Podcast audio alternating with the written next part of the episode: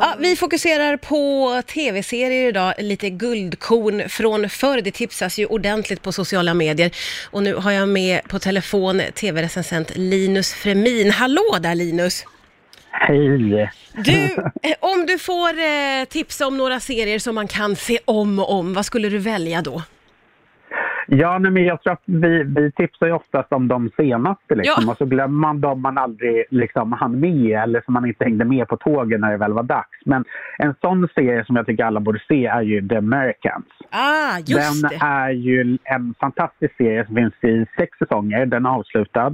Eh, utspelar sig på 80-talet under eh, kalla kriget där eh, ett gift par är KGB-agenter i Washington. Mm. Och det här är ju Kerry Russell som vi kanske känner igen som Felicity, i alla fall jag. Ja, ja, ja, ja, ja, ja, herregud ja, vilka minnen. Ja, Ja, hon spelar eh, frun och sen eh, Matthew Rhys som nu senast går att se i Perry Mason spelar hennes man. Och det här är en fantastiskt spännande, eh, välskriven eh, serie som är en thriller, för det är spioner här, men också en otroligt fin skildring av ett äktenskap som går igenom ganska mycket under de här sex säsongerna kan man säga. man gillar ju eh, också att det...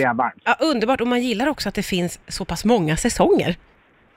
Ja, men vissa blir ju väldigt eh, skrämda av det. Nej, nej, jag älskar- De bara, nej men hur många avsnitt? Jag bara, men det är sex säsonger gånger tio, så 60 avsnitt. De bara, äh, nej. Åh, jag, blir så, jag blir så eh, glad när det finns mycket, men man är olika, man är olika naturligtvis. Ja. Vad har vi mer att tipsa om här? Nej, men sen så tycker jag en, en fantastiskt spännande serie är ju The Leftovers. Mm. Eh, den är bara tre säsonger för den som tycker om många säsonger. Eh, och den är ju lite mer så science fiction där det handlar om att eh, 2% av jordens befolkning helt plötsligt försvinner. Ja. Eh, och vad det gör med världen och vad, hur det påverkar religion, hur det påverkar liksom, äktenskap, hur det påverkar allting sånt. Och det här är en sån serie som när den kom började puttra liksom och sen så nu har den nästan status som en av de bästa någonsin. Och det är ju en serie som när man väl kommer in i den så blir den bara bättre och bättre.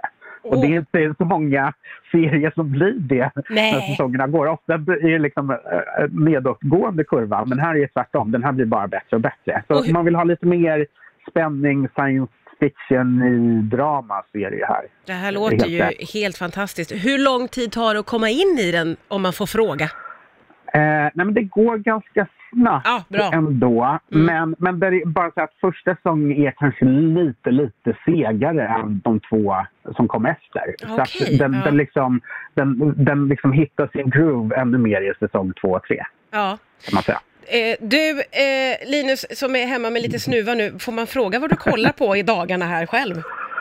Ja, alltså jag får ju se saker i, på, i förhand. Så att jag har ju precis sett Partisan med Fares Fares som har premiär på söndag tror jag. Åh, vad Eh. spännande! Jag pratade med Fares häromdagen. Va, vad tycker du då Ja. om det här? Det verkar ju otroligt spännande. Ja, nej, men jag kan ju säga så här. Jag tycker att det är den bästa svenska serien i år. Nej i men, oj, oj, oj! Vad säger Ja. du? Jag, men det kanske inte är så eh, stor konkurrens, men jag tycker att den är...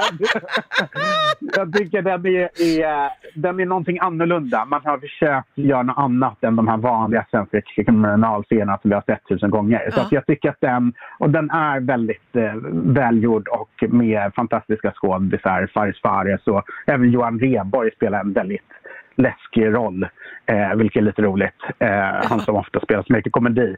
Ja, Så det, det, den tycker jag man ska se fram emot faktiskt. Ja, jag blev väldigt positivt överraskad. Ja, vad kul! Det- Nu har vi fått Mm. väldigt många tips här. Tusen tack, eh, bästa Linus Fremin. Krya på dig, hoppas att vi ses snart.